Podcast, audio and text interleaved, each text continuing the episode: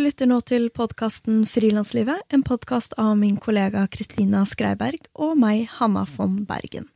Vårt mål er å være en faglig og inspirerende kanal for alle dere som jobber for dere selv i medie-, kunst- og kulturbransjen.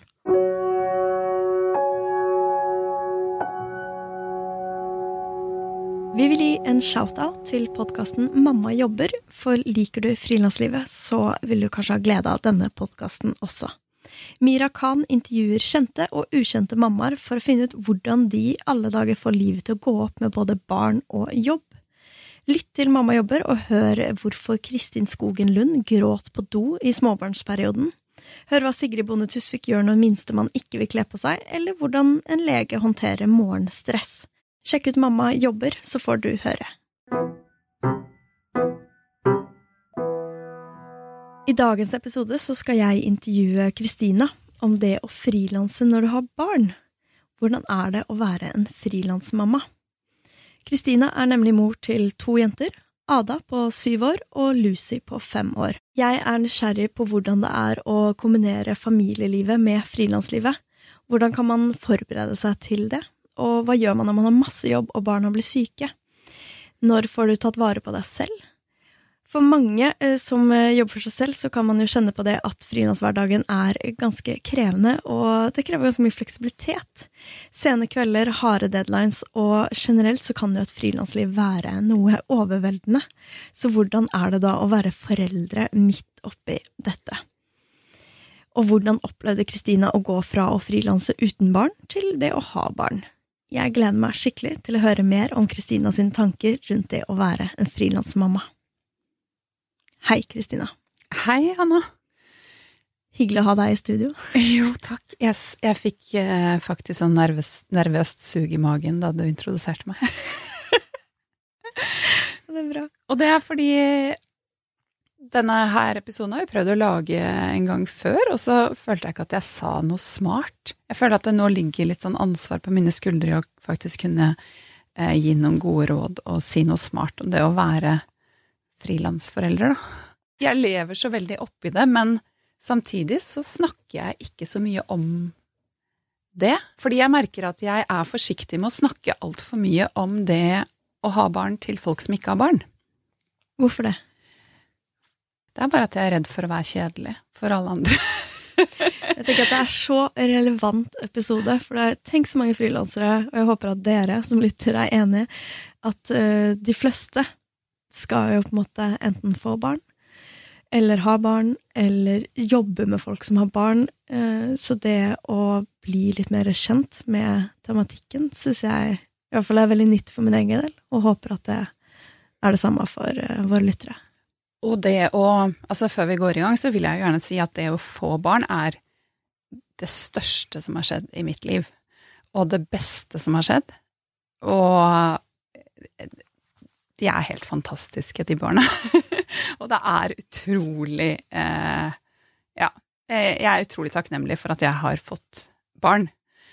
Um, så jeg vil bare si det, da, fordi um, i denne episoden så er det jo, kommer jo sikkert også gå, til å gå innom mye av det som er utfordrende ved å kombinere eh, et, en frilanstilværelse med barn. Eh, så bare ha det i bakhodet hele tiden, at jeg elsker barna. så la oss bare hoppe, hoppe inn i det. Straight into it. Noe man tenker på eh, når det gjelder familietilværelsen, er jo litt sånn kaotiske eh, morgener. Det er det ikke hos oss. Alle bare ah, Why? How? Men eh, så vil du beskrive litt hvordan din morgen har vært, eh, og litt om hvordan ser en typisk morgen ut? Denne morgenen eh, Jeg la meg klokken ni i går kveld, så det sier jo litt om at som foreldre, eller i hvert fall jeg, noen ganger har bare ekstremt behov for å få tatt igjen søvn. Og jeg kan være så sliten på kveldene. Og da jeg noen ganger har hatt litt sånn forstyrret forhold til kveldene, for etter jeg har lagt barna, så føler jeg at det er så lite kveld igjen. Da er det egentlig bare masse klær som skal vaskes, eller husarbeid, og jeg går og sørger litt over at ok, det var min kveld, og så er det bare å gå og legge seg. Men da bør man bare lytte til en god podkast og tenke at det er sånn for de fleste andre òg. Livet kommer tilbake. så jeg la meg klokken ni og ble vekket klokken seks. Og har hatt en utrolig bra morgen, faktisk. Jeg har vært på løpetur. Og så kom tilbake, kledde på barna, lagde frokost, fulgte begge barna til både skole og barnehage, og nå sitter jeg her med deg. Men ikke alle morgener er sånn. Altså, i dag hadde alle godt humør. Barna mine hadde godt humør. De kledde på seg mens jeg sitter ned på gulvet sammen med dem. Så det er jo, det er jo jeg som får passet på meg selv til slutt. Jeg bare rasker på meg et eller annet og slenger ting i bagen. De rutinerte gjør det kvelden i forveien, legger ting klart. Det gjør ikke jeg. Men veldig mange morgener så tenker jeg at det er ekstremsport å ha barn. Eh, fordi det som regel ikke går eh, smooth. Det er eh, kanskje 15, 15, konflikter innen vi går ut døren om eh, frokost og matpakke, og noen er sure, og noen gruer seg til eh, ja, skolen eller noe som skal skje, eller Så mye sånn konflikthåndtering og trøsting og Og da Jeg har nevnt det i en episode tidligere. Da går jeg og tenker nå er det bare å ta det steg for steg, og så skal jeg drikke en god kopp kaffe når jeg kommer på jobb. Deilig. Ja. Du nevnte jo i um, episoden vi lagde nå nylig om hva som stresser oss, så nevnte du et bra uh, tips, og det er at du ikke legger noen avtaler, som regel, uh, før klokka ti, sånn at det der ekstra presset på morgenen kan oppleves litt mildere, da, og kjøpe deg litt buffertid der i starten av dagen. Det syns jeg var veldig lurt, lurt gjort. Og det er jo ikke alltid det går, men hvis man kan skaffe seg den lille pausen mellom de viktige tingene, eller det kaoset, og så noe som skal være viktig, hvor du skal være litt sharp, så er det veldig lurt, for det er mange ganger jeg går inn i et møte eller inn i noe hvor det fortsatt egentlig er bare kaos i hode og kropp. Ja, så det er lurt. Og jeg merker at eh, de morgenene jeg ikke sjekker eh, e-post eller sosiale medier før eh, jeg har fulgt barna, og først gjør det etterpå og kobler meg på etter at de er eh, godt i havn. De, er, de morgenene er bedre enn andre morgener. Å være til stede i det man er i. Fordi jeg kjenner i hvert fall på at plutselig så får jeg kanskje en mail om et eller annet som haster eller burde vært levert, eller noe som skal skje eh, den dagen, og så plutselig er jeg på jobb mentalt og får på en måte den stressen, inviterer det inn i eh, midt på badet der du står og kler på deg med hele gjengen.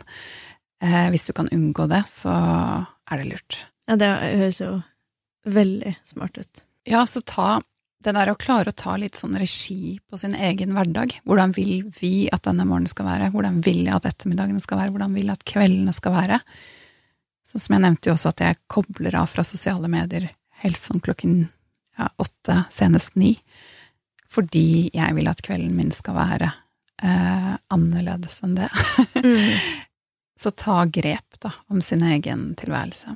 Og det har man jo mulighet til som frilanser eh, i mye større grad, å faktisk eh, finne ut hvordan den der rytmen da, fungerer, og hva man trenger, uh, hvordan man vil legge opp jobbhverdagen.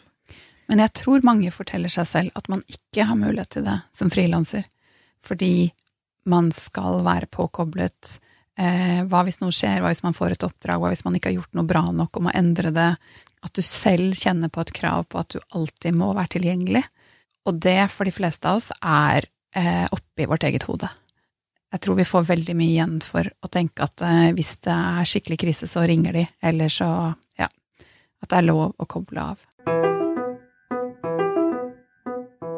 Du har jo frilansa nå i snart 14 år, altså 13-14 år, og eh, du er 39 år. Og innimellom der har du jobba litt fast um, og hatt en permisjon og litt sånne ting. To permisjoner. Um, men hvor gammel var du når du starta å frilanse? Jeg var 26, og det var alltid drømmen min å frilanse. Så det var jo eh, Det var jo ikke noe skummelt den gang å bestemme meg for å frilanse, for jeg hadde jo ikke noe sikkerhetsnett eh, eh, som jeg ga avkall på.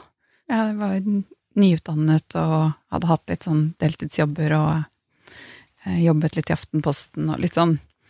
Eh, så det er jo veldig lett å bare gå i gang når du er, er ung og uten forpliktelser. Og det har spurte en og sånn på Instagram om når det er lurt å få barn. Bør man ha alt på plass, eller kan du få barn eh, i den fasen der, da, hvor du egentlig starter opp og alt er nytt? Og jeg selv fikk barn da jeg var 32, og egentlig veldig mye var på plass. Men da hadde jeg også en livsstil som tilsier at du har forpliktelser hvor ja, du har kanskje et boliglån, du har kanskje en bil, og eh, det krever at du har en viss inntekt, og at ting skal være på plass. Så har jeg tenkt over det at jeg tror nok det også går ganske greit å få barn når du er 26 og starter opp som frilanser, hvor barnet blir med på den reisen, eh, og du kanskje ikke har de største utgiftene. Så jeg vil bare si det til den som spurte. Jeg tror ikke det er noe fasit. Ja. Og det føler jeg er sånn myte Altså, at det, det, passer jo aldri Det passer ikke med barn, altså sånn uansett hvor man er i livet, eller sånn for de færreste, så føler jeg litt at det er vanskelig å ha en veldig god timing, at det alltid er masse annet. Men så må man bare Så gjør man jo plass og endrer på ting og ja. Man bestemmer seg bare. Ja. Mm. Eh, sier jeg til meg selv, da, som nesten 32-åring. Men hvordan, hvordan var frilanslivet ditt før du fikk barn? Det var um, mer kompromissløst, eh, hvis det er riktig ord. Altså, det handlet jo bare om meg og hva jeg ville, og mine egne ambisjoner. Og det var egentlig bare det jeg tok hensyn til. Um, og litt som du har snakket om, at du um, Det er ikke tiden det står på når du sier nei til et oppdrag, fordi du føler at du har jo mulighet til å jobbe kveld, altså helger og kvelder og så det var nok mer sånn, og mindre rutine og mindre sånn faste rammer. Og ikke nødvendigvis alltid sommerferie og Men jeg elsket det jo òg, og det er jo en tid for alt. Det er jo en eh, fint at det er en periode i livet hvor man kan jobbe sånn. Du kan sitte utover natten og ja, eh, fine spikke på et eller annet du vil få til. Eller eh, ja, det er veldig bra, det òg. Og sånn har jeg det ikke nå, fordi jeg får ikke det Jeg klarer ikke alt. Men jeg jobbet som frilanser og på en måte bygget meg opp inntil jeg Da jeg kanskje var 29. Jeg fikk barn da jeg var 32. Da jeg var 29, ble jeg spurt om å eh, være med å utvikle Aftenposten Junior, som er en barneavis. Så da gikk jeg inn i en prosjektstilling i Aftenposten i noen år. Og det var en så spennende oppgave, og en sånn en utvikleroppgave, som jeg elsker, at jeg tenkte at ok, jeg gir litt avkall på frilanstilværelsen en periode. Og så jobbet jeg der i noen år, og jobbet som reportasjeleder, og ble gravid eh, med Ada, vårt første barn, eh, da jeg jobbet der. Og da kjente jeg etter hvert at eh, selv om jeg var gravid, at frilanstilværelsen kaller. Nå har vi fått dette opp å kjøre. Aftenposten Junior, det funka bra. Det ble en hit. Eh, og min stilling den gang innebar enda mye mer å komme på kontoret og være der for eh, redaksjonen, fremfor å være på farten og gå i møter og klekke ut nye ideer. Og da valgte jeg å ja, si at etter at jeg ja, når jeg går ut i permisjon, så takker jeg for meg, og valgte å frilanse igjen etter det. Og det er det jo mange som lurte på hvorfor måtte, valgte jeg ikke heller en tryggere tilværelse eh, som eh, småbarnsmor, eh, og kanskje bare ja, det, takket for meg etterpå. At man beholdt den der tryggheten. Men jeg har veldig behov for veldig sånn tydelige eh, tydelig forventningsavklaring for overfor meg selv og overfor andre, og vite at nei, nå har jeg sagt fra meg det, og nå innstiller jeg meg på å starte for meg selv igjen etter permisjonen, som jeg syns er veldig deilig, og som motiverer meg på et vis. Og det har jo gått fint. Men var det en redsel hos deg i det å liksom ha lite barn, skulle ut i frilanstilværelsen igjen, når du, har, når du da har vært noen år eh, borte fra den? I forhold til økonomi og liksom det å ja, Balanse mellom jobb og privat. Altså Var det bare at du var veldig klar for det, eller var det, var liksom, var det skummelt også? Jeg var nok veldig klar for det, men det var Det kjentes ikke skummelt, nei. Men jeg tror vi eh, alle mennesker har forskjellige ting som eh, vi er redd for. og eh, trygghet og økonomisk trygghet, det skremmer ikke meg. Altså, jeg er veldig sånn, god på å sette til side og spare og skape meg. Det er en av mine eh, altså, tips å ha en bufferkonto. Og, så jeg satt penger til side og tenkte at det, jeg har en buffer. Hvis det, hvis det går skeis i noen måneder, så vil jeg klare meg. Men, så jeg ligger sjelden våken om natta på grunn av at jeg ikke føler at jeg har trygghet. Men noen gjør jo det. Eh, og da bør man skaffe seg de liksom, Hvor er det det trykker? Hva kan jeg gjøre for at jeg føler meg mer trygg? Men nei, jeg var ikke bekymret. Eh, og det derre eh, work-life balance Altså, jeg så litt på skrekk og gru på alle de som jobber i en redaksjon, eller som fast ansatte, da. Hvor mange da halser fra barnehage, kommer superstressa på jobb, eh, man eh, ja, jobber på spreng i løpet av arbeidsdagen, og så farter av gårde igjen, knapt har tid til å prate med noen, og farter av gårde til barnehage eller skole etterpå. Så tenkte jeg sånn Oi, orker jeg det, det livet der? Det appellerte ikke til meg, da. Nå er det ikke alle som har det sånn, men veldig mange har det sånn. Så frilanstilværelsen byr jo også på at du selv kan skape mer av dine egne rammer. Og jeg halser også mange ganger av sted og har mye stress i mitt liv, men jeg kan også si at Vet du hva, jeg jobber fra jeg starter møtene mine klokken ti og jobber til klokken tre. Da går jeg og henter barna. Um, eller i dag tar jeg meg en fridag med de, eller nå har jeg vært på en jobbreise i flere dager og jeg har ikke sett familien, så nå tar jeg meg noen dager fri. Det å kunne prege det selv i en småbarnstilværelse syns jeg har vært helt eh, fantastisk. Og jeg kunne ikke ønsket meg noe annet. Så det er et, en, super, eh, en superbonus ved det å være frilanser, at du kan det. Men da må du ha råd til det. Og der kommer den bufferkontoen, og egentlig mange andre grep du kan ta for å klare det. Ja, og det har vi lagd så mange episoder om. Det her med penger. Ja. Og viktigheten av det for å lage en bærekraftig tilværelse. Og det kommer jo spesielt Det er jo spesielt eh, relevant når man får barn. Ja, for jeg tror at hvis du hele tiden har eh, dårlig råd og stresser over hvordan du skal få oppdrag, og hvordan du skal få ja, nok oppdrag og nok penger, og eh, så er det veldig krevende når du har små barn. Så det å har klart å sikre seg på et eller annet vis, altså om du har en eller annen melk og brød-jobb eller en deltidsstilling eller det kan være hva som helst som gjør at du har det bedre og litt mer trygghet inn i din tilværelse, tenker jeg er superviktig når du får ansvar for et nytt liv.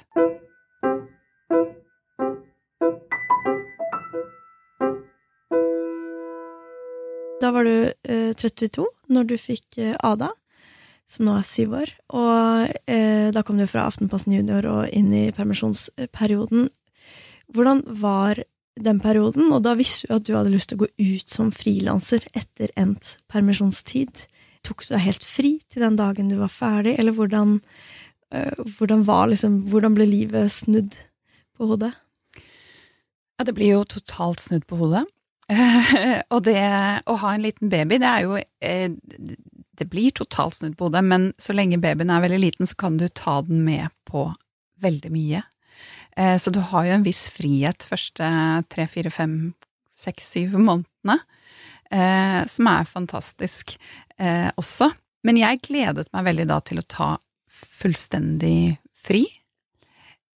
Men jeg klarte det ikke helt. Da Ada var? Ja, da Ada var tre uker gammel, så ble jeg spurt om å dra til København og intervjue en kunstner fra New York, ganske sånt kjent navn, for et eh, magasin som ikke eksisterer lenger, men som, var, som jeg skrev mye for, som jeg liker veldig godt, da. Et magasin Aftenposten hadde. Og jeg klarte ikke å si nei. Jeg bare Det her eh, Det her skal jeg gjøre. så Ada var fire uker gammel da jeg tok henne i bæresele på flytur til København. Espen, mannen min, har familie i København, så jeg ordnet at de skulle trille henne i de to timene jeg var sammen med intervjuobjektet. Vi hadde med oss liksom sånn prampack, som det heter, altså sånn megabag som du putter hele vognen inn i, med på flyet. Altså, det var så mye rigg. Og jeg ser jo at jeg gjorde jo dette for meg, for, fordi jeg ville bevise overfor meg selv at å få barn stopper ikke meg. og jeg kan få til alt. Jeg kan dra til København og intervjue denne kunstneren og ha med barnet mitt. Dette går bra.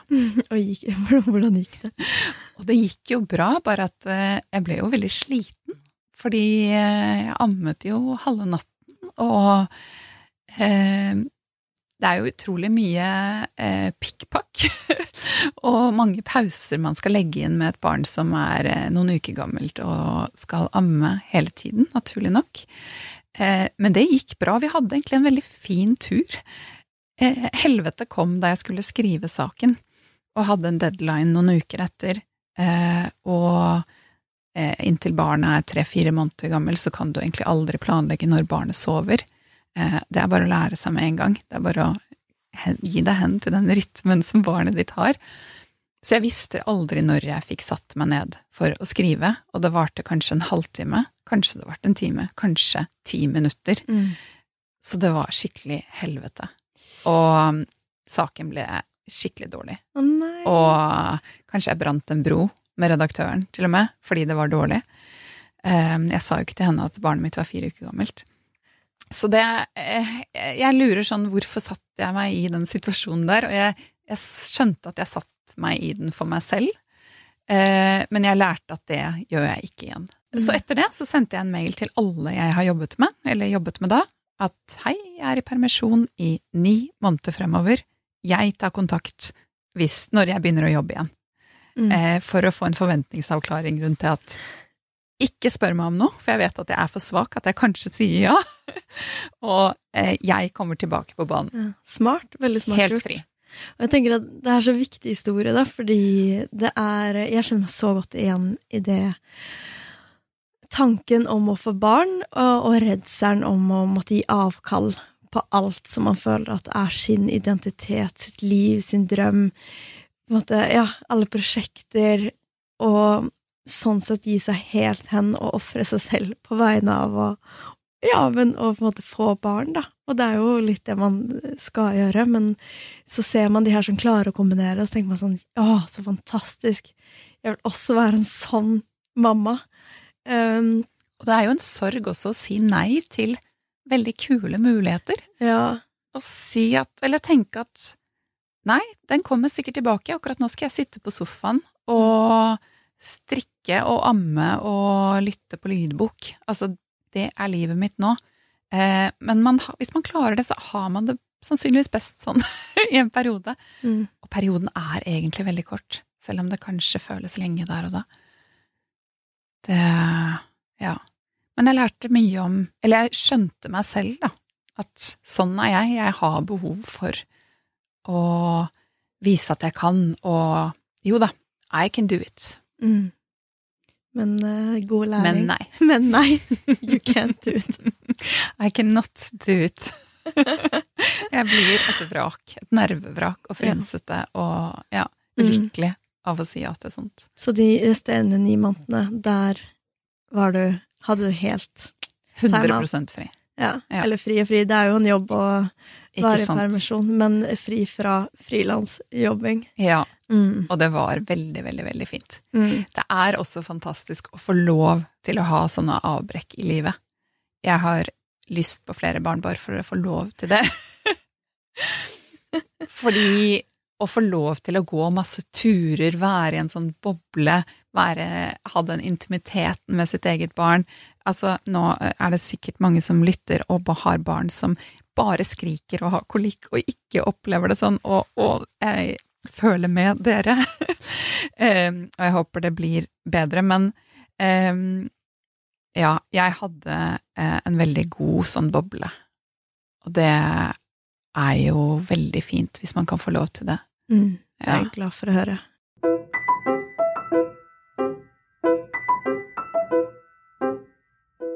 Man skal huske på at man også blir, når man får sitt første barn, født som mor også. Det tenker jeg på en del, og sier til venner som får barn, at det er noe helt nytt, og du blir født inn i en ny versjon av deg selv. Så det er helt naturlig at denne eh, At det er en tilvenningsfase hvor alt kjennes nytt, og du skal lære deg selv å kjenne og dine egne grenser, og hva du tåler, og hva du kan si ja og nei til eh, helt på nytt. Mm, Mm. det er fint sagt. Og det mest overveldende for meg i denne barseltiden var én hvor lite søvn man får, og jeg fungerer veldig dårlig på lite søvn.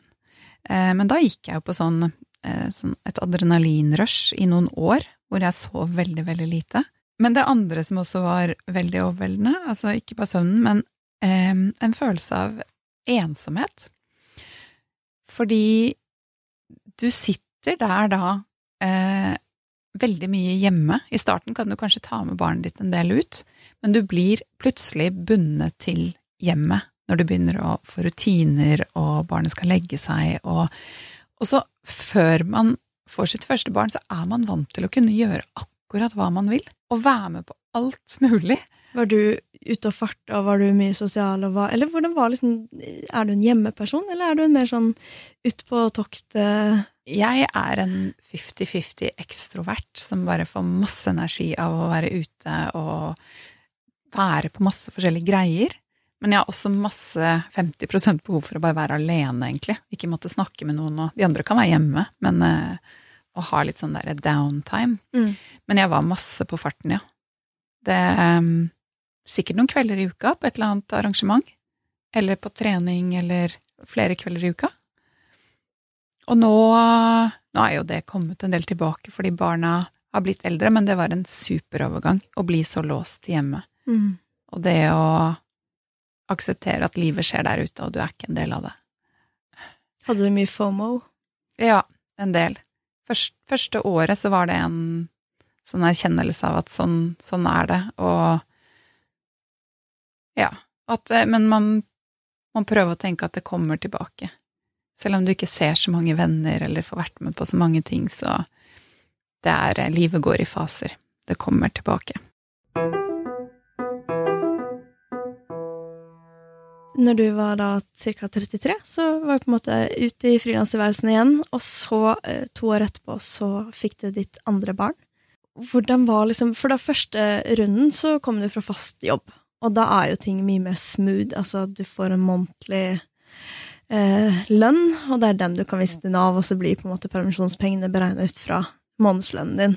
Det var veldig deilig. Ja, det, det er vel det alle frilansere misunner hos de faste ansatte. Um, hvordan var det da Og da har du ikke frilansa så lenge, på en måte. Da har du vært borte i gamet, frilansa et par år, og så er det ut igjen i permisjon. Hvordan, hvordan var overgangen eh, med ditt andre barn? Nei, altså jeg var i, i permisjon i ca. ni måneder. Da var vi mm, i den Altså, for da mannen min hadde permisjon, så brukte vi det til å reise, så jeg var ganske lenge borte. Kanskje ti måneder. Eh, vi, Første runden. første runden, ja. Mm. Vi benyttet muligheten med ett barn til å både reise gjennom California og Argentina og Uruguay senere. Wow! Ja, fantastisk. Vi hadde et sånt barn som du kan ta med overalt. Ja. Um, det var utrolig fint. Uh, så det var først um, nesten etter et år, kanskje ti-elleve ja, 10-11 måneder, at jeg kom tilbake og skulle jobbe igjen. Og da satte jeg meg ned og lurte på hva jeg skulle gjøre, og tok tak i eh, prosjekt jeg hadde jobbet med lenge, som heter Hei nabo. Det kan vi snakke litt mer om etter hvert, for der gikk jeg på en kraftig smell. um, men da satt jeg meg ned og tenkte sånn, hva skal jeg jobbe med nå? Og hadde litt sånn is i magen, litt sånn Trenger ikke å kaste meg på Jeg sendte ikke ut den mailen og sa nå er jeg tilbake. Jeg satte meg heller ned og hadde vært litt smart, spart opp litt av de permisjonspengene. Hadde tenkt at det kan ta noen måneder før man er tilbake og i gamet igjen. Så veldig lurt å ha litt buffer. og begynte på min første stipendsøknad, eh, hvor jeg søkte Fritt Ord om å jobbe videre med dette dokumentarprosjektet. Forhistorien der er at jeg hadde banket på eh, dørene til alle naboene mine, eh, 100 naboer, i en blokk på Tøyen i seks år. Eh, og så tenkte jeg sånn Nå har jeg barn, nå er det slutt å tulle. Jeg kan ikke Enten så kaster jeg dette prosjektet, kaster hele mappa og alt jeg har gjort, eller så går jeg for det. Mm. Så søkte jeg fritt ord, og så fikk jeg midler. Eh, jeg fikk svar etter hvert. Men det satt jeg med i en måned, og knotet verre med den stipendsøknaden. Og så bestemte vi oss for å få et barn til. Så Ada var ett år da jeg ble gravid igjen. Ja, så veldig kjapt, da. Veldig kjapt. Så jeg Som gjorde jo at jeg holdt litt igjen, for jeg visste at om ni måneder så skal jeg ut i permisjon igjen. Som jeg syns var en ganske vanskelig situasjon å være i. Fordi det koster ganske mye å ta den eh, runden hvor du eh, Hva heter det? Beile? Nei. eh, Å forføre. Eh, snakke med nettverket. Eh, Forføre andre. alle oppdragsgiverne dine igjen. Og si 'nå er jeg tilbake'. Så jeg tenkte sånn, hvordan gjør jeg dette her? Ja, det forstår jeg. Også det når du skal begi deg ut på et eget prosjekt, men så vet du at det kanskje er litt kort før du skal ut i permisjon, men så blir det veldig lenge hvis du brått skal vente til Altså, da er du tobarnsmor, og ja, og det er jo ikke nødvendigvis noe lettere, og så har det gått to-tre år, og da, ja, det blir jo veldig lenge å utsette et prosjekt som allerede har pågått i mange år. Ja, alt ble litt knot. Mm. Og barnehageoppstart og netter med lite søvn. Altså, Ada var jo en ettåring, så det det, De ni månedene der eh, Så da tenkte jeg at nå tar jeg eh, Kontakter jeg de som betaler mest, og tenker at eh, jeg gjør det som koster meg minst, eh, som er lett å gjennomføre, og som jeg tenner mest på nå. Og noen sånne oppdragsgivere er lurt å ha. Og jeg har heldigvis alltid hatt noen sånn på gress. og så gjorde jeg, pitchet jeg litt saker og altså sånn Jeg gjorde noen kule ting òg. Og så fikk jeg da eh, penger fra Fritt Ord, eh, men det var bare 50 000. Men du sitter der og skjønner at eh, jeg må ha nok penger inn disse ni månedene, sånn at jeg får permisjonspenger igjen. Mm, stressende. Så det var faktisk ganske stressende. Og de pengene fra Fritt Ord de skulle jeg ikke få utbetalt før jeg hadde en utstillingsavtale. Og det var jeg jo ikke i nærheten av å være klar til å få. Mm. Så det ble litt sånn triksing og miksing hvor jeg fikk en intensjonsavtale med det stedet jeg ville stille ut, sånn at jeg kunne få de 50 000, og det ble med i da grunnlaget som Nav ser på. Så det gikk sånn tålelig greit til slutt, men det var ikke samme sum som jeg hadde eh, fra eh, Aftenposten-lønnen, da. Eller det grunnlaget jeg hadde der. Ja, og jeg kan tenke meg at også akkurat her så kommer du i en liten skvis, fordi hvis du hadde frilansa i tre år før din andre permisjon, så har man mye mer grunnlag. Du har kanskje fått jobba deg opp i lønnsinntekt, mens eh, det er jo samme hvis man kommer ut som student, og så frilanser man veldig kort. Så er det jo Ja, det er jo vanskelig å nå det nivået. Og hvis du kommer fra fast ansatt til frilansing, så det er jo Det blir vanskelig å vite hva er representativt da, for din fremtidige inntekt. Og jeg har gullfiskminne, eh, takk og lov, så jeg husker ikke helt hvordan det endte opp med å bli til slutt. De, hvilket, om de beregnet de tre siste årene. Jeg tror faktisk det. Eh, eller om det bare ble de siste månedene. Men jeg prøvde i hvert fall å sørge for at nesten alt ble fakturert de siste månedene før jeg eh, søkte om de Nav-pengene. sånn at det så ut som jeg tjente eh, veldig mye akkurat da. Så å være litt sånn smart rundt eh, når du får inn eh, de pengene, og spørre eksempel hvis du har et lang, langt prosjekt eller et lengre oppdrag gående, som du vet at kanskje du egentlig først får fakturert dem etter du er ferdig med jobben, så når du er langt inne i permisjonen din, eksempel, og spørre dem om kan jeg forhåndsfakturere dette, det betyr veldig mye for meg akkurat nå, eller kan jeg forhåndsfakturere halvparten, eksempel. Det er veldig smart. Og her vil jeg bare legge til at i episode 61 eh, så har vi intervjua jurist Espen Andreas Eldøy fra Creo, altså fagorganisasjonen til eh, musikere, eh, om foreldrepenger. Det er også en ekspertepisode, så hvis man vil eh, dykke litt dypere inn i Nav, permisjonspenger, regler og det juridiske, så anbefaler vi å sjekke ut episode 61. Han kan mye mer om det enn meg. Men jeg satt veldig mye på en sånn Nav foreldrepenger-chat som Nav har. Hvis man googler det, så finner man den chatten, og du kan spørre om hva som helst. Jeg tror jeg spurte dem, eller stilte flere spørsmål hver dag i et halvt år. Ja, og så får du ofte litt forskjellige svar når du ringer Nav, eh, og det fikk jeg også i den chatten. Så jeg tok alltid screenshot når jeg fikk det svaret som jeg ville ha. En ekte journalist. Et bevis. Så eh, hvis det ikke skulle gå min vei, så eh, med, med tanke på sånn hvilket eh, beregner ut fra disse tre årene, eller ja, så videre. Mm, smart. Eh, men jo, det var det som løste det, tror jeg. At jeg fant ut at jeg hadde såpass lite jobb, og siden jeg hadde vært i noe fast, så kunne jeg søke om dagpenger. Det var det noen som fortalte meg. Ja. Det gjorde jeg jo først etter mange måneder, for jeg tenkte jo, som mange gjør, jeg skal jo bare klare meg. Jeg, det er jo min feil at jeg er frilanser og eh, ikke har en, en, fast jobb nå. Jeg må bare finne noen oppdrag.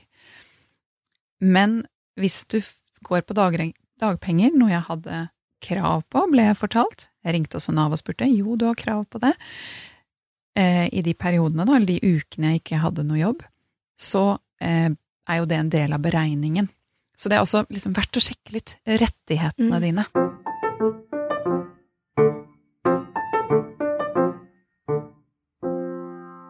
Så da var du jo på vei inn i din andre permisjon med Lucy. Eh, og eh, hadde jo da fått liksom Hei nabo-prosjektet litt opp å stå, fått litt penger, var godt i gang med det. Samtidig som du frilansa og prøvde å ta litt sånn penge, pengejobber. Hvordan var da overgangen var det totalt Har du lært fra første permisjon med å ha totalt fri, eller hva gjorde du? Ja, altså, ettersom barna kom såpass tett, så verket jeg egentlig litt etter å jobbe. Og ja, savnet det litt. At jeg hadde egentlig ikke behov for ni nye måneder der jeg bare trillet rundt på Astrup Fearnley. Som den moderne mammaen med din lappe. Ja. Eh, så det passet egentlig bra at jeg hadde Hei nabo eh, litt sånn så smått i gang.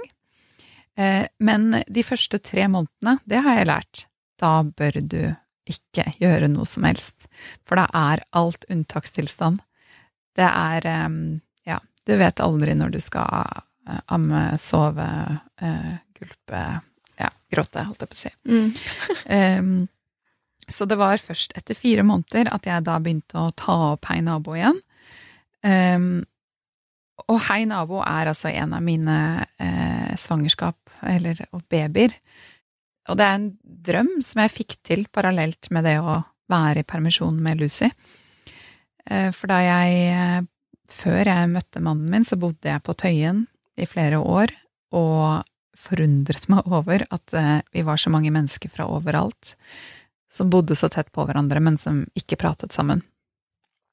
Det var Nå blir det en liten digresjon, men jeg tenker at vi kanskje går den veien en liten stund. Mm.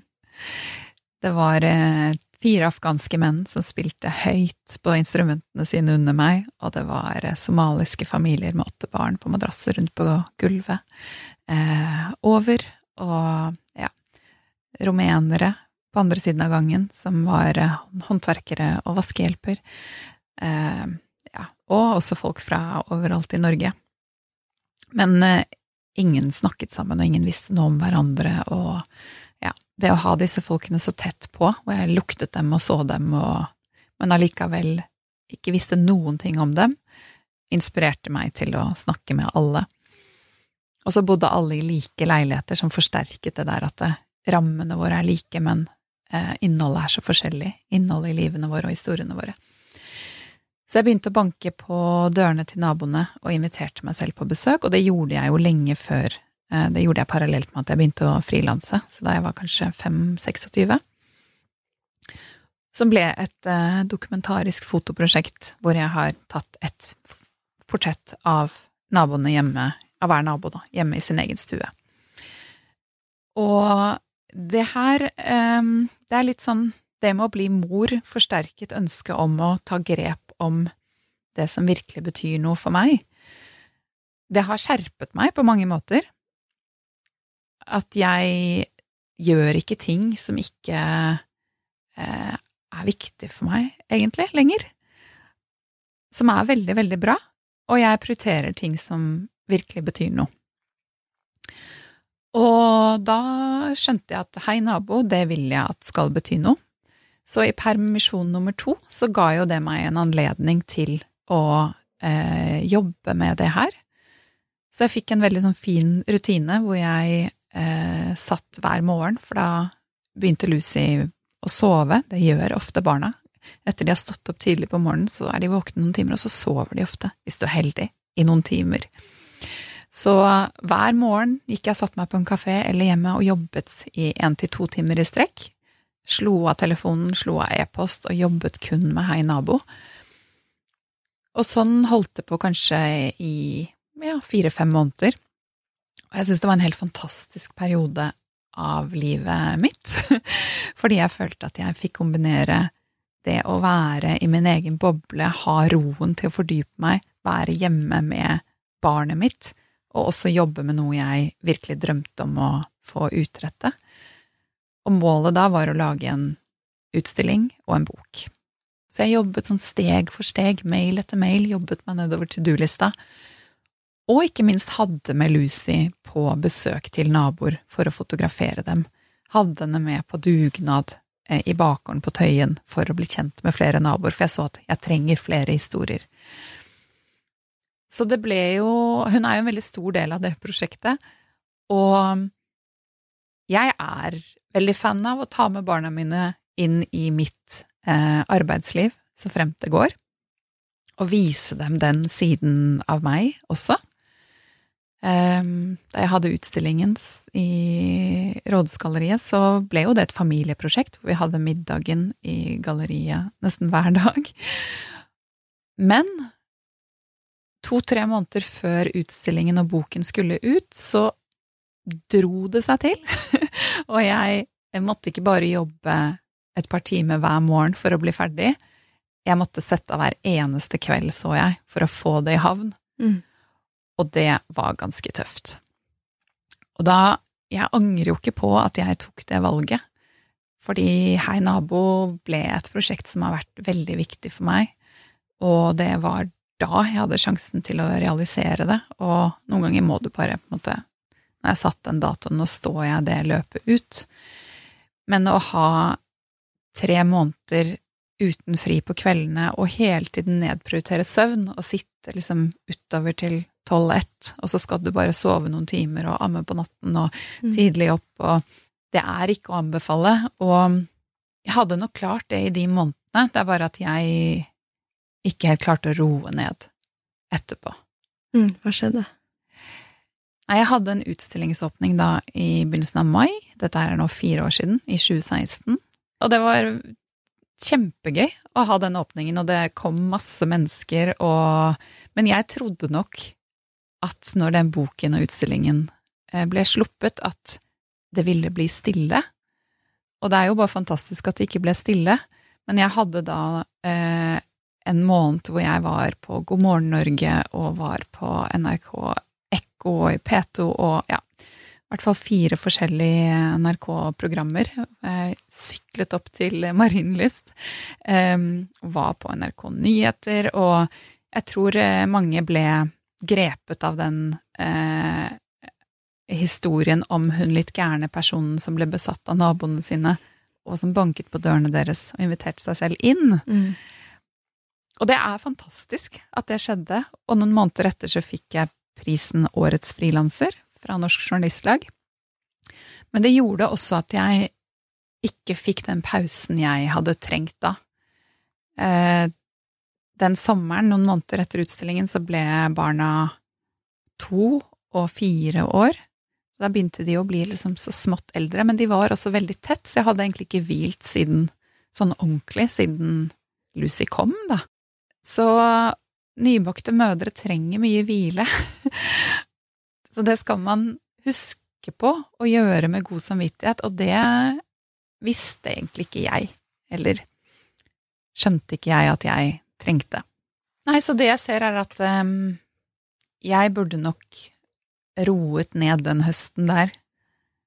Og det um, er ikke alltid så lett når um, ting går deg veldig vel, da, og du gjerne vil ri den bølgen litt mm. og være med og Jeg fikk masse henvendelser om å holde foredrag om Hei, nabo, og på en måte alt var bra. Og det er det som Det er jo et eh, luksusproblem, eh, men det hadde også vært veldig vanskelig å gi avkall på alt det. Ja, for det er på en måte det du har jobba for. Og man sier jo også sånn smi mens jernet er varmt. At uh, det er vanskelig å da si sånn Nei, nå har jeg hatt utstilling, så da tar jeg pause. Fordi det å være, ha de intervjuene, ha de foredragene, det er jo også det som skaper verdi og skaper effekt av alt det du har jobba så hardt for å oppnå. Og hadde jeg ikke hatt små barn da, så hadde det kanskje passet Eller det hadde vært lettere å bare gi seg hen til alt som skjedde. Men kombinasjonen av å ha det, ha fullt trøkk på hjemmebane og fullt trøkk på jobb, eh, gjorde at jeg den egentlig Det tok kanskje ni måneder etter utstillingen. Det tok så lang tid. Eh, den julen da, så var jeg helt flat Mm. og tenkte at dette her går ikke. Det året som kommer nå, må det kan ikke skje noen ting. Ehm, og det Ja, det er viktig å tenke det iblant, men jeg var så sliten da at jeg eh, Ja, jeg ble kjempesyk etter noen måneder. Fikk eh, to forskjellige virus. Jeg fikk kyssesyken igjen for andre gang i livet mitt, og et eller annet annet virus som visstnok gjør deg bare helt Og det handlet jo om at jeg hadde immunforsvaret var kjempelavt, jeg orket nesten ingenting. Mm. Jeg gikk til legen og bare nå er jeg veldig syk og sliten, og jeg skjønner ikke, er det bare jeg som ikke helt klarer å være småbarnsmor? Jeg, man selv klarer kanskje ikke å se totalen av det du er i. Um, jeg klandret jo meg selv for at jeg ikke klarte det. Nei. Åh. Ja, mens jeg ikke selv satte meg ned og så at men se hvor mye du har gjort. Ja, Det er utenfra, ikke noe rart. nei, utenfra så tenker man jo Det her er veldig forståelig at uh, kroppen din trenger hvile etter en så intensiv, lang, lang periode. Altså, nå er jeg blitt uh, bedre på å skjønne det, da, Mm. og gi meg selv det. Uh, så 2017 var et sånt helt rolig år, hvor jeg bestemte meg for å si nei til alt som krevde noe av meg. Bra jeg ikke spurte om podkasten da, da. Ja, men det var det du gjorde. Å ja, for var det i 2017? 2017. Det var, det var det jeg skulle si. Du ble det eneste unntaket. For du kom den eh, juni eller noe sånt det året. Da hadde jeg hatt et halvt år hvor jeg var helt sånn Tenkte det var 2018, men det var jo da vi lanserte. mm, Og vi begynte å jobbe halvt år før lenge det. før. Ja. Og jeg tror ikke jeg var så tydelig på deg, til deg da om at jeg egentlig var skikkelig utslitt. Mm. ja, det skjønte ikke jeg. Nei. Og jeg, eh, for meg da var det nok noe jeg skammet meg litt over. Jeg gikk ikke og snakket med alle om det, altså selvfølgelig familie og venner. Men jeg var sykemeldt i, jeg vet ikke, fire-fem måneder. Eh, litt 100% og litt 50% Jeg tror det var, ble ekstra skambelagt for meg fordi det hang sammen med en følelse av ikke takle morsrollen Mm. godt nok, og ikke ha energi nok til den. Og hvorfor takler ikke jeg å være småbarnsmor? Ehm, og at jeg ikke helt så at eh, kombinasjonen ble for mye. Så jeg tror eh, mange eh, unge, eller nye, mødre setter veldig høye krav til seg selv. At du skal klare alt, du skal ha energi, og du skal kunne være med på ting, og du ehm, Ja, du skal mestre på alle fronter. Så det var det som kjentes som nederlaget, at jeg ikke klarte det lenger. Jeg hadde jo Mm. klart det kjempelenge. Og det ser jo sikkert ut som at jeg gjør det fortsatt. Mester på alle fronter. Mm. Men jeg har masse, mange, mange, mange dager, eller fleste dager i uka, og jeg gjør ingenting. Og subber rundt hjemme og er egentlig litt sånn sliten og kanskje litt sur. og litt lei.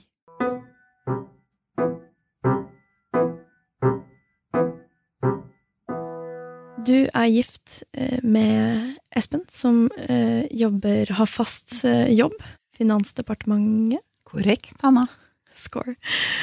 Og eh, hvordan har dere løst det? Jeg tenker både i permisjonstiden, hvordan dere har fordelt det, og også sånn hvis barna er syke, trenger å kom, gå til hente, levering. Hvordan fordeler dere oppgavene? Og da er det spesielt interessant med han som har fast jobb, og du som er frilanser.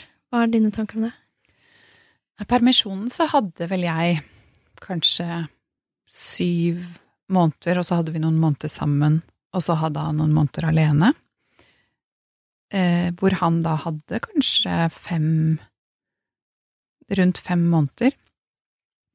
Som var veldig viktig for han og viktig for oss at han hadde den tiden alene. Og noen ganger så kan jeg jo, når folk sier sånn ja, men det må jo være lett for deg å frilanse når mannen din har fast og trygg stilling, og så kan jeg bli litt sånn ja, men øh, jeg har jo aldri spurt han om å eh, betale mer en måned. Altså vi, putter inn 50-50 eh, i fellesøkonomien. Eier leiligheten vår 50-50, har det veldig likestilt. Og jeg har aldri lent meg på han bare fordi jeg kjenner at jeg har valgt å frilanse, det er mitt ansvar. Men de har også litt rett, for det er lettere å være to, og det er en trygghet i det at jeg har en mann som har en fast, trygg stilling. Mm. Så det er også helt sant. Jeg vet at jeg kan spørre han en måned, at han vil ta meg imot hvis det skjærer seg. Men dette med eh, dager hvor barna er hjemme på grunn av sykdom, det syns jeg er veldig viktig å snakke om. Om likestilling rundt det. Fordi det har mange spurt meg om at å, men siden Espen har en litt sånn implisitt, da, viktig jobb i Finansdepartementet, og du bare er frilanser, så blir det vel naturlig at det er du som tar de dagene med sykt barn hjemme, eller hva? Og da kjenner jeg at eh, Nei, det blir det ikke. Så hos oss så er det 100% likestilt. Ehm, det er ikke sånn at vi setter en strek i kalenderen hver gang den ene har vært hjemme og holder sånn helt regnskap over det. Men hvis jeg var hjemme forrige gang, så er det sannsynligvis han som er hjemme neste, med mindre han har et veldig viktig møte, eller noe veldig viktig, da gjør vi et unntak, og så er han kanskje de to neste gangene. Altså, vi snakker, snakker sammen om det, men utgangspunktet er at vi deler det likt. Og det tenker jeg at er utrolig viktig at eh, selv om partneren din har et helt annen type yrkesliv eller eh, en helt annen type form på sitt yrkesliv, at man likestiller eh, arbeidet. For selv om jeg som regel vet hva jeg skal og har en ganske oppbooket kalender, men man kan jo ha perioder, eller noen har frilanstilværelser hvor kalenderen er tom, og du noen ganger må gå på kontoret og bare skape jobbene dine, da er det viktig at du får dra på kontoret og skape jobbene dine, selv om du ikke har en full kalender, fordi du er like viktig som partneren din. Mm. Det er sånn det i hvert fall bør være. Da vil jeg bare også spørre om eh, Fordi eh, hvis Espen er hjemme med sykt barn, så eh, får han eh, betalt. Eh, for det, eh, fordi han er fast ansatt. Og du har et AS, så da faller vel du også Du er jo ansatt i ditt eget AS. Um, så, Men ingen betaler for det. Det er meg. Ja, ikke sant. For det er ikke, det er ikke Og sånn sett så hadde jo egentlig lønt seg rent økonomisk at han var hjemme. Men jeg syns det er et veldig viktig poeng det med at for, at for at begge skal føle at begges jobber er likestilt og like viktig, eh, så tar dere et, egentlig et valg som er mindre økonomisk lønnsomt. Ja, og det handler om at jeg har jo et behov for at min jobb, om jeg blir anerkjent eh, i vår familie, og det har jo da han også, regner jeg med. Um, men ja, det er mange som glemmer det at det er eh, best for familieøkonomien at den med fast jobb er hjemme, men det ville jo også på en måte blitt urettferdig for eh, hans arbeidsplass og alle oppgavene han har. Mm. Men jeg har også, eller jeg kjenner til flere par hvor den som er frilanser, eller driver sitt eget lille foretak, eh, er den som sier at du, jeg driver for meg selv, jeg har så mange viktige møter, jeg er i en sårbar situasjon, så jeg, eh, jeg kan ikke flytte på ting, så du må bli hjemme. At, eh, som at det er den som har en fast jobb, har den mindre viktige jobben, og at den andre får lov til å trumfe da, fordi man driver for seg selv. Og det tenker jeg også blir helt feil. Altså, det er kjempeviktig at man eh, anerkjenner hverandre og eh, jeg syns ikke at selv om jeg har valgt å frilanse og stille meg selv kanskje ja, i en litt mer sårbar situasjon, og kanskje jeg mister et oppdrag eller et viktig kundemøte eller hva det nå enn er, så betyr ikke det at jeg kan si til min mann at jeg er den som skal få lov til å gå hver gang. Mm. Det blir helt feil Viktig for meg. Viktig perspektiv. Ja. Så er det jo Vi må legge inn en liten sånn Folk, altså par, har jo utrolig forskjellige forhold til det her, akkurat som permisjonstiden. At noen man liker å Altså, det er opp til hvert enkelt par, da, hvordan man vil eh, fordele det og Nei, jeg her. Så jeg tror ikke vi skal Jeg tenker at det er um, Nei, men dette kjenner jeg at jeg brenner litt for, og så er det jo selvfølgelig perioder hvor kanskje den ene har mye mer eh, mulighet, og at man ser Det er ikke nødvendigvis det som er best for deg, er best for fellesskapet. Så man, eh, sånn tenker vi en del i vår familie, at eh, hva er best for oss alle? Og det er kanskje at jeg er hjemme disse ukene her fordi Espen har et kjempeviktig prosjekt på jobben. Mm. Eller da jeg hadde Hei nabo-utstillingen, så var det Espen i noen måneder tok han veldig mye hjemme. Og så er det jeg som må komme tilbake på banen. Så dette her går jo selvfølgelig i bølger. ja, Det syns jeg er veldig fint. At man kan gi hverandre litt den Gi hverandre det, da. Man kan ikke være helt petimeter. Nei. Og sånn som da eh, skolene stengte eh, og barnehagene stengte i mars, så var jeg hjemme nesten hver dag i seks uker. Eh, som var hardt å svelge for en eh, feminist, vil jeg kalle meg, eh, og en likestillingsaktivist eh, som meg. Men samtidig så hadde Espen en jobb i Finansdepartementet. Det var hele landet liksom sto og ventet på krisepakker. Eh, og da er hans jobb viktigst. Så, og det er ikke som at han skylder meg seks uker med hjemmedager. da. Så man, selvfølgelig er man raus og må se på eh, bildet akkurat da, men at liksom på bunnlinjen, hvis man klarer å ha en felles respekt for hverandre, da, så tror jeg det er, og, og det hverandre driver med, det som er viktig for den andre, eh, så tror jeg det er veldig bra. Ja. Ja. At man ikke selvutsletter seg selv helt, da, eller lar den andre selvutslette seg. ja. Det er viktig å føle at eh, hverandres jobber er likestilt. Ja! Mm.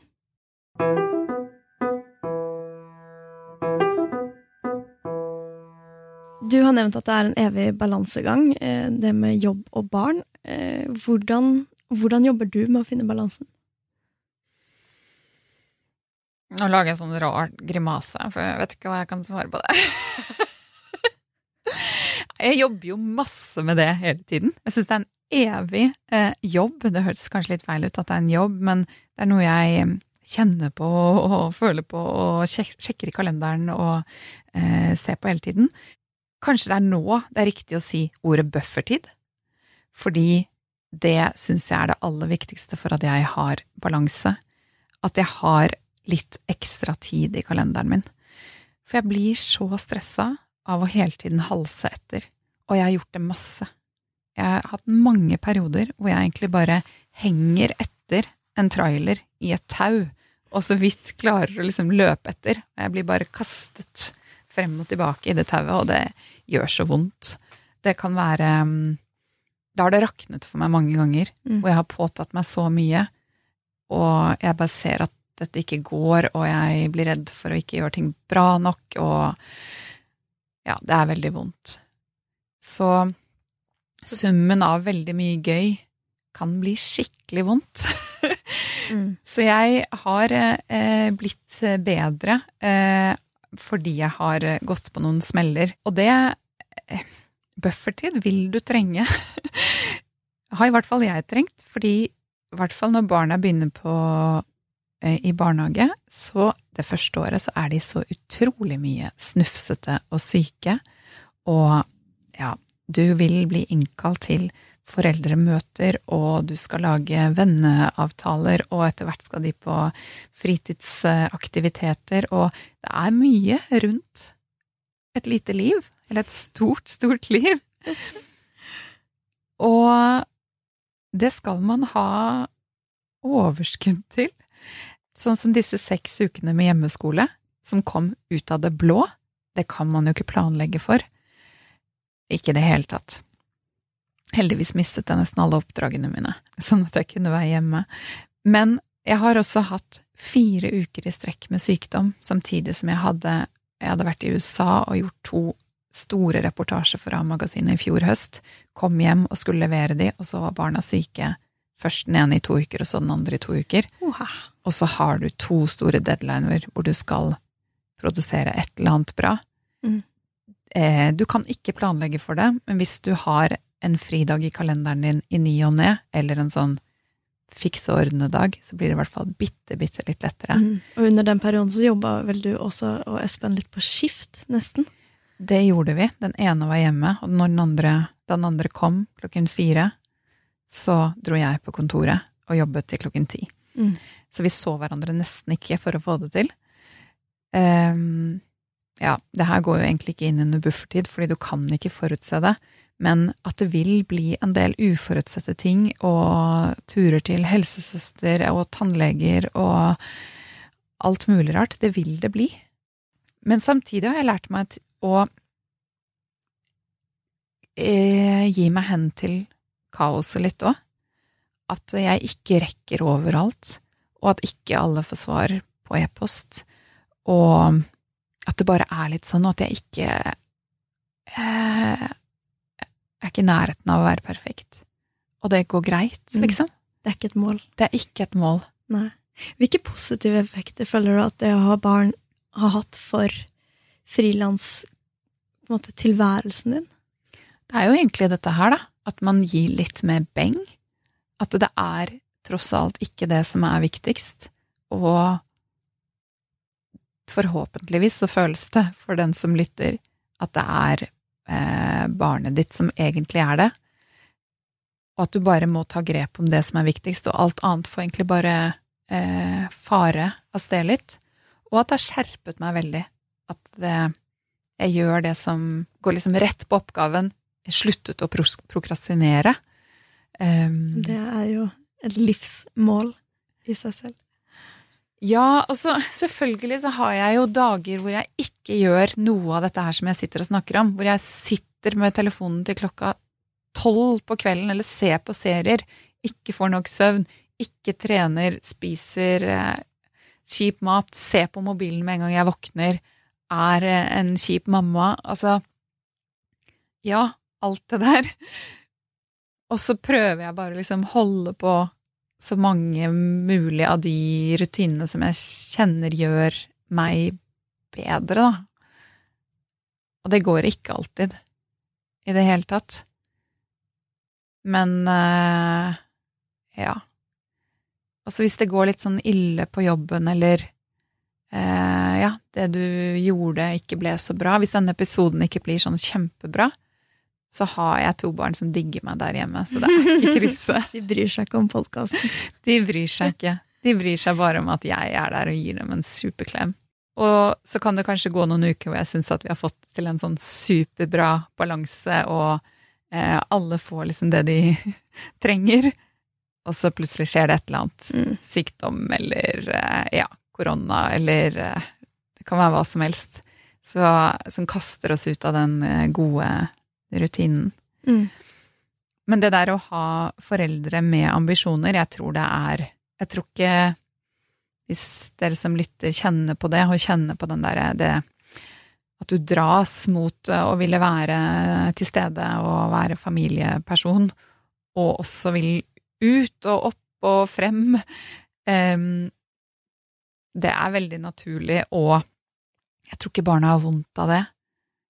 Og vondt å se at nei, nå skal jeg eh, ut på jobb, eller jeg skal lage dette, eller mamma driver med dette.